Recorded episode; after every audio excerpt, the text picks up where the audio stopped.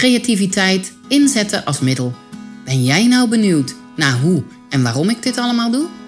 Nou, vroeger was ik helemaal niet creatief. Maar in 2016 werd mijn leven totaal overhoop gegooid door een herseninfarct. In mijn podcast De kracht van creativiteit neem ik je mee in mijn zoektocht naar het inzetten van creativiteit als middel.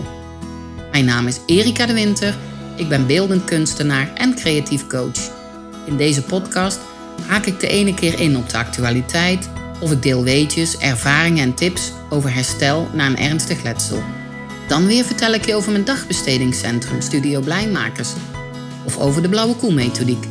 Of over aansprekende projecten vanuit mijn kunstatelier of coachingspraktijk. Ook zullen verschillende interessante gasten aanschuiven achter de microfoon. Kortom, het is echt de moeite waard om regelmatig op deze podcast af te stemmen. En misschien is creativiteit inzetten als middel ook wat voor jou?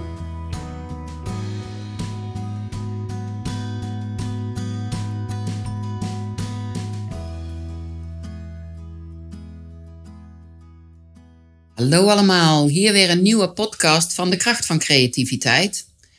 Dit keer wordt het een hele korte podcast. En waarom?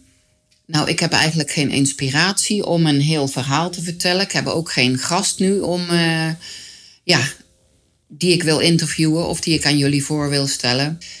Maar waar ik wel een vraag naar heb. Een vraag, ik heb eigenlijk een vraag aan jullie.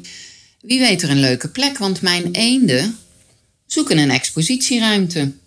Ik heb ze al een tijdje geëxposeerd in mijn eigen atelier in Dordrecht, Merwekade 56. Maar hoe leuk is het als mijn eenden uit gaan vliegen?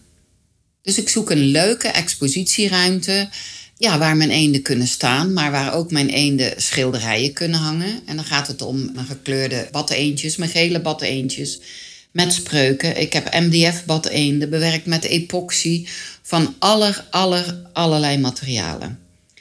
Dus ken jij nou iemand? en dat kan een ziekenhuis zijn, een bedrijfshal, een exporuimte, een hotel, een, nou ja, noem het maar op. Het kan dus van alles zijn. Nou, ik zou het fijn vinden als jij mij doorgeeft, ja, waar mijn eenden naartoe kunnen verhuizen. Voor een tijdje, want ik wil ze wel terug. Of wil ik ze niet terug? Nee, ik wil ze eigenlijk niet terug. Want ik wil net als alle andere kunstenaars gewoon mijn eenden verkopen. En weer nieuwe eenden of andere kunstwerken gaan creëren. Dus weet jij een leuke exporuimte in de buurt van Dordrecht. Maar het mag natuurlijk ook in, ja, in Amsterdam zijn, in Brussel. En uh, nou, misschien uh, vliegen mijn eenden wel uit naar het buitenland. Je weet maar nooit. Neem een kijkje op erikadewinter.nl bij de badheenden. En nou ja, laat me even weten of je een leuke plek weet. Dankjewel dat je deze podcast helemaal hebt afgeluisterd. Luister alsjeblieft nog een minuutje door, want dat kan belangrijk zijn. Ik heb het geluk gehad dat ik door de kracht van creativiteit heb mogen ontdekken dat ik zelf iets kan veranderen aan mijn situatie. Ik heb zelfs heel veel nieuwe dingen geleerd. Maar dat zegt natuurlijk niet veel over jou en jouw mogelijkheden. Ik zou het echt heel fijn vinden als jij, ondanks alles, ook een stukje regie mag terugvinden.